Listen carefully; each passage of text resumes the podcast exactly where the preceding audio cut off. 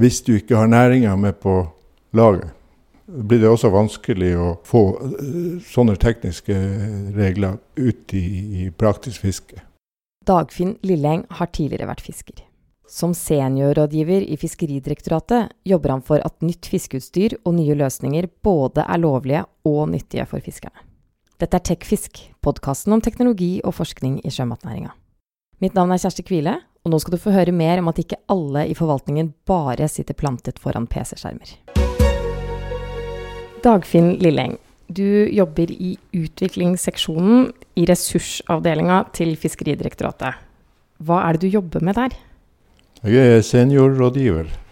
Min arbeidsoppgave er i all hovedsak eh, retta mot eh, tekniske reguleringer, sånn som seleksjon, som har vært eh, en av mine hovedoppgaver i systemet. Ellers så jobber vi mye med som en sånn bindeledd mellom forvaltning og næring. Og tekniske reguleringer, hva er det for noe? I denne konteksten så vil tekniske reguleringer være sånn som sorteringsfrister, som går på seleksjon. Det går på å begrense fangst, størrelse på fangster.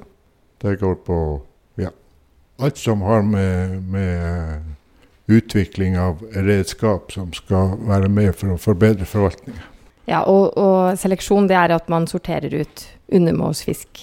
Det går eh, på å sortere ut undermålsfisk. Jeg så på hjemmesida, så hadde du, det var mye du hadde ansvar for seismikk, olje, men også da redskapsutvikling, som du nevnte. Eh, hvorfor skal Fiskeridirektoratet utvikle redskaper? Fiskeridirektoratet, altså Utvikling av redskaper for å effektivisere eh, næringa, det klarer næringa sjøl. Men det, vår oppgave er å, å få inn i systemet redskap som er med på å utnytte, at du får utnytta ressursene på en best mulig og bærekraftig måte. Og For å få det til, så må vi sette i gang tiltak i enkelte sammenheng. Så det her f.eks. med sorteringsliste, som vi hadde i torsketroll. Vi har hatt eh, kvadratmaskeposen, for de som kjenner den, i Snørva. Og eh, også det her med fangstbegrensende tiltak for at vi skal unngå for store fangster, som igjen kan føre til eh, neddreping av fisk. Så eh, vi eh, jobber jo da ut ifra havressursloven og et bærekraftig fiske. Så vår oppgave blir da å passe på eller se til det fisket at det foregår på en, en, best mulig måte, slik at vi får god utnyttelse av ressursen. I praksis, da, hvordan er det du er med på, på den utviklingen? Nå er det jo sånn at En av hovedoppgavene til min stilling, og det er å være ute blant næringa.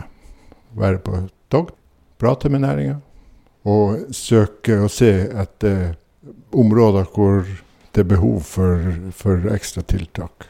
Og eh, for å få oppfylt kanskje forvaltningas ønske, så har vi også kontakt med, med forskningsmiljø. Kanskje spesielt Havforskningsinstituttet, men også Universitetet i Tromsø, og vi har Sintef fiskeri og havbruk, for å be om si, hjelp til å, å, løse slike oppgaver. Og i denne rollen så vil jo ofte vi være med og styre denne oppgaven, slik at vi får, uh, får at det blir et mer målretta forskning på, på, for å løse de oppgavene vi ønsker. Hva innebærer målretta forskning? da? Målretta forskning vil være som f.eks. her med, med fangstbegrensende tiltak. Vi hadde eh, eksempelvis et stort problem her med for store fangster for noen år tilbake i Troll. Og vi hadde det i Snurva. Og eh, fiskeridirektøren ba oss om å, å, gjøre noe med dette her, for å se om vi kan løse den problemstillinga, slik at vi eh, unngår neddrepping av fisk. Det gjorde vi. Vi gjorde en henvendelse til Havforskningsinstituttet på det her, og det ble satt i gang et arbeid med det. Og vi fulgte det opp. For når du kommer til dit hen at du skal eh, ha noe inn i en forskrift, så er det veldig nyttig at Fiskeridirektoratet vet hva det er de skal ha inn der, og foreslå for fiskeridirektøren hvilke tekniske tiltak som vi mener er bra. Hvordan Står du på siden da og forteller om regelverk og begrensninger, eller er du mer liksom hands on og og pusler med redskap og ser på ulike løsninger? Eh, jeg blir litt på ja, begge deler. Så jeg skjønner godt eh, at du spør, for at vi er ikke jurister.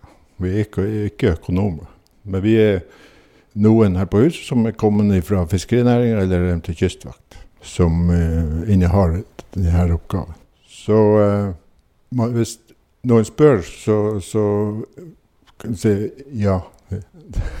vi, er, vi, er, ingen av delene, men vi, er, vi kan litt av hvert. og det er en viktig bit for å få et uh, godt språk mellom forvaltning og næring. De har noen som forstår, uh, forstår den, den, dynamikken.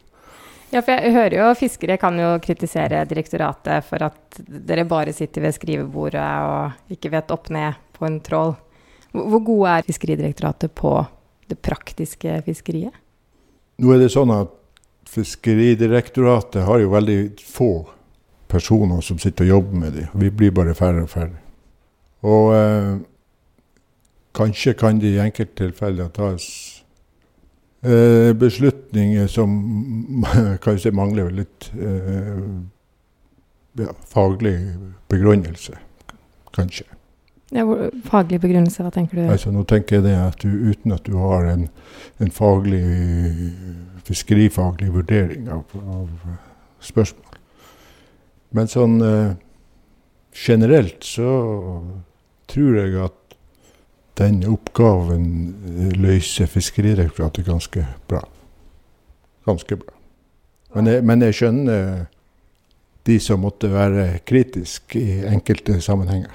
Det skjønner jeg, fordi det er komplekst. Og du skal balansere praktiske tingene opp mot juridiske verden og, og, og sånne ting. Så det er en utfordring.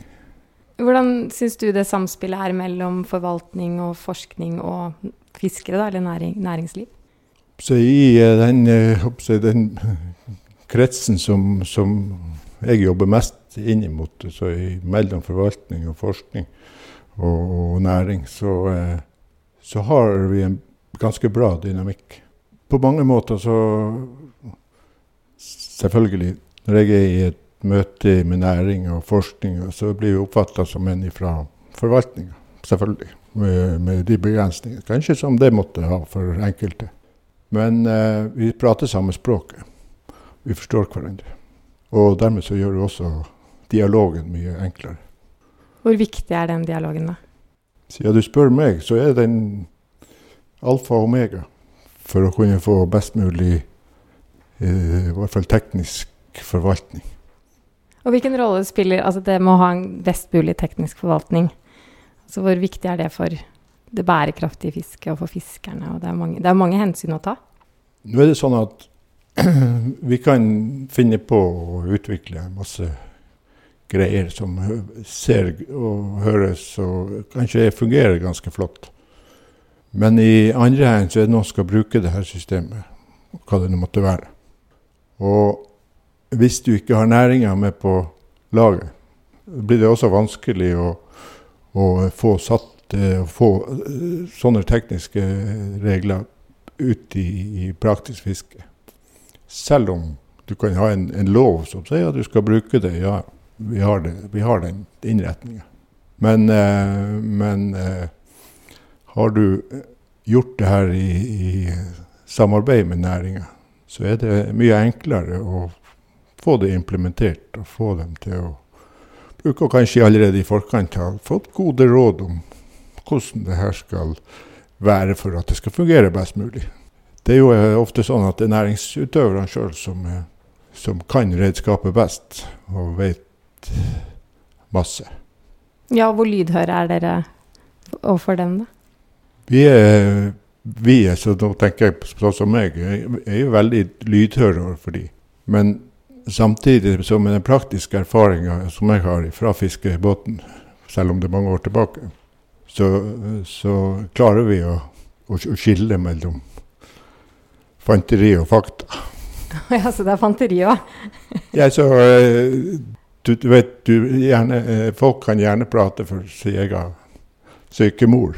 eh, hvis du skjønner hva jeg mener. Så vi har kunnskapen til å kunne skille tingene fra hverandre. Hva er det som er din eh, bakgrunn, da? Min bakgrunn er fra fiskebåten. Reiste som, siste årene så reiste jeg som styrmann og var en periode som skipper. Hva slags fiske var det, da? Det var eh, Begynte min fisk, karriere om bord i konvensjonell fiskefartøy, så garn og line, og fortsatte på trål. Og det holdt jeg på med til 94 eller noe sånt. Vi studerte litt, og så kom det en stilling i direktoratet her, som den gangen het fagkonsulent. Og eh, her har jeg vært siden. Du har jo vært på sjøen også i denne jobben her. Det er jo ikke så lenge siden så var du på et uh, tokt Ja. med en færøysk reketråler i Svalbardsonen. Ja. Hva, hva er det du gjør om bord da? På det spesifikke toktet, det var nå nettopp i eh, Det er et seleksjonstokt vi kjører. Vi har et treårig prosjekt gående. Et samarbeidsprosjekt mellom Havforskningsinstituttet, det Universitetet i Tromsø og Sintef. Vi leide inn Fiskeridirektoratet med, med finansiering av vår ordning leide inn et fartøy som da ble et færøysk fartøy. Og det er Fiskeridirektoratet som har eh, toktledes på det toktet. Og det var da min rolle. Hva er det dere testa ut? da? Var det trål eller rister? Eller? Eh, vi testa ut trål. Eh, og prøver å sortere ut yngel av fisk og reker ut fra reketrål. Ganske omfattende og hektiske forsøk. Vi har eh, kun sånn som det her, vi har 14 dager veldig til disposisjon. Og eh, på de 14 dagene så har vi laga et program i forkant som skal kjøres igjennom. Og så kjører vi så langt vi når. Hva er det som kommer ut uh, i andre enden da for, uh, for, næringslivet? Bakgrunnen til de her forsøkene, det var næringa sitt ønske om å få et redskap som kunne selektere ut yngel. Det var jo spesielt uryngel og, og gjerne torsk og hyse. For hvis vi går noen år tilbake, så var, ble store deler av uh, Barentshavet og kanskje spesielt Svalbardsonen stengt for fiske med reketrål. Og de hadde ingen plass å gjøre av seg. Og da starta eh, sa fiskeridirektøren at vi måtte ta oss og sette i gang med å se om det, vi kan løse den problemstillinga noe. Men er det en fare for at dere kan låse dere ved visse typer teknologier når dere sjøl er med og utvikler dem? Uh, mm, ja. Både ja og nei. Altså, på en måte så, så kan man forstå spørsmålet dit hen at, ok, at næringa mener det, kan mene det at, eh, at vi får ikke lov å prøve ut det som eh, vi tror fungerer, fordi at de har sagt at sånn og sånn skal det være. Nå er det sånn at de forsøkene som blir gjort, de, blir, de er relativt kostbare. Og man utvikler, og det er gjerne forskninga som kommer med, med forslag til, til eh, ting altså, som skal testes ut. Og ofte så er det her også gjort i samarbeid med næringa. Og du tester ut eh, noe som vi mener fungerer. Og det tar, hvis du ser på seleksjonsutprøving og den type ting, så tar det lang tid. Det koster mye penger. Og når du har optimalisert det, fått den, testa den ut, så har det, gir den eh, tekniske innretninga en del premisser gjerne for at det skal fungere. Altså, det kan være sånn som på rist, så kan det være vinkelen skal være sånn og sånn. Det skal være ledenett og ledegarn, og der og der skal det være små og store masker og litt sånn, sånne tekniske ting som, som gjør at og, og som er viktig for at det systemet skal fungere. Og da er jo der vi, vi skal ha det her inn i, i forskriften, vi skal beskrive det her. Sånn, så, sånn og sånn skal det være. Før du har det, når du setter det inn i forskrift. Slik at eh, Ja, jeg forstår spørsmålet. og, og, og det kan godt hende at det, og det vil sikkert oppfattes som litt sånn rigid. Men det er jo en grunn for at det blir rigid. Det skal, vi skal vite at det virker. Hva er det som skal til da for å få du er, Nå er du et slags bindeledd her, da. Hva er det som skal til for at forskning ender opp som noe som kan tas i bruk? Det kommer litt an på selvfølgelig hva det er for noe, det her. Altså, de kan drive og forske på mye rart som kan være fangsteffektiviserende tiltak som ikke vi er så veldig interessert i. Men hvis det er forvaltningsretta tiltak, så er det jo viktig at vi er på banen, og kommer på banen på et annet tidspunkt, slik at vi får gjort oss kjent med det som måtte være. Og også det å Vi skal også vite hva som vi skal ha inn i forskriften. Når du er altså, såpass tett på næringa og det å utvikle redskap, har du noe, noe drømmeprosjekt? Er det noe du har lyst til sjøl som du kunne tenkt deg at man skulle ha utvikla? Nei, jeg har ingen drømmeprosjekt. Det jeg har lært etter 22 år i direktoratet, det er at det, er, det dukker hele tida opp noe nytt og noe spennende. Og redskap utvikler seg, og vi henger ofte etter i utvikling av de tekniske løsninger som vi måtte ha behov for. Og det kan være en utfordring. Ikke nødvendigvis så spennende, men det, det er en utfordring. Og I denne konteksten nå så er det seleksjonen i trål og snurrevad som må bli bedre. Takk skal du ha. Ja. Du har nå hørt på Tekfisk, podkasten om teknologi og forskning i sjømatnæringa. Lurer du på hvordan fiskeavskjær kan brukes til menneskemat? Da kan du høre vår forrige podkast, der min kollega Camilla Odland snakker med forskningsdirektør Bjørn Liaseth i Biomega.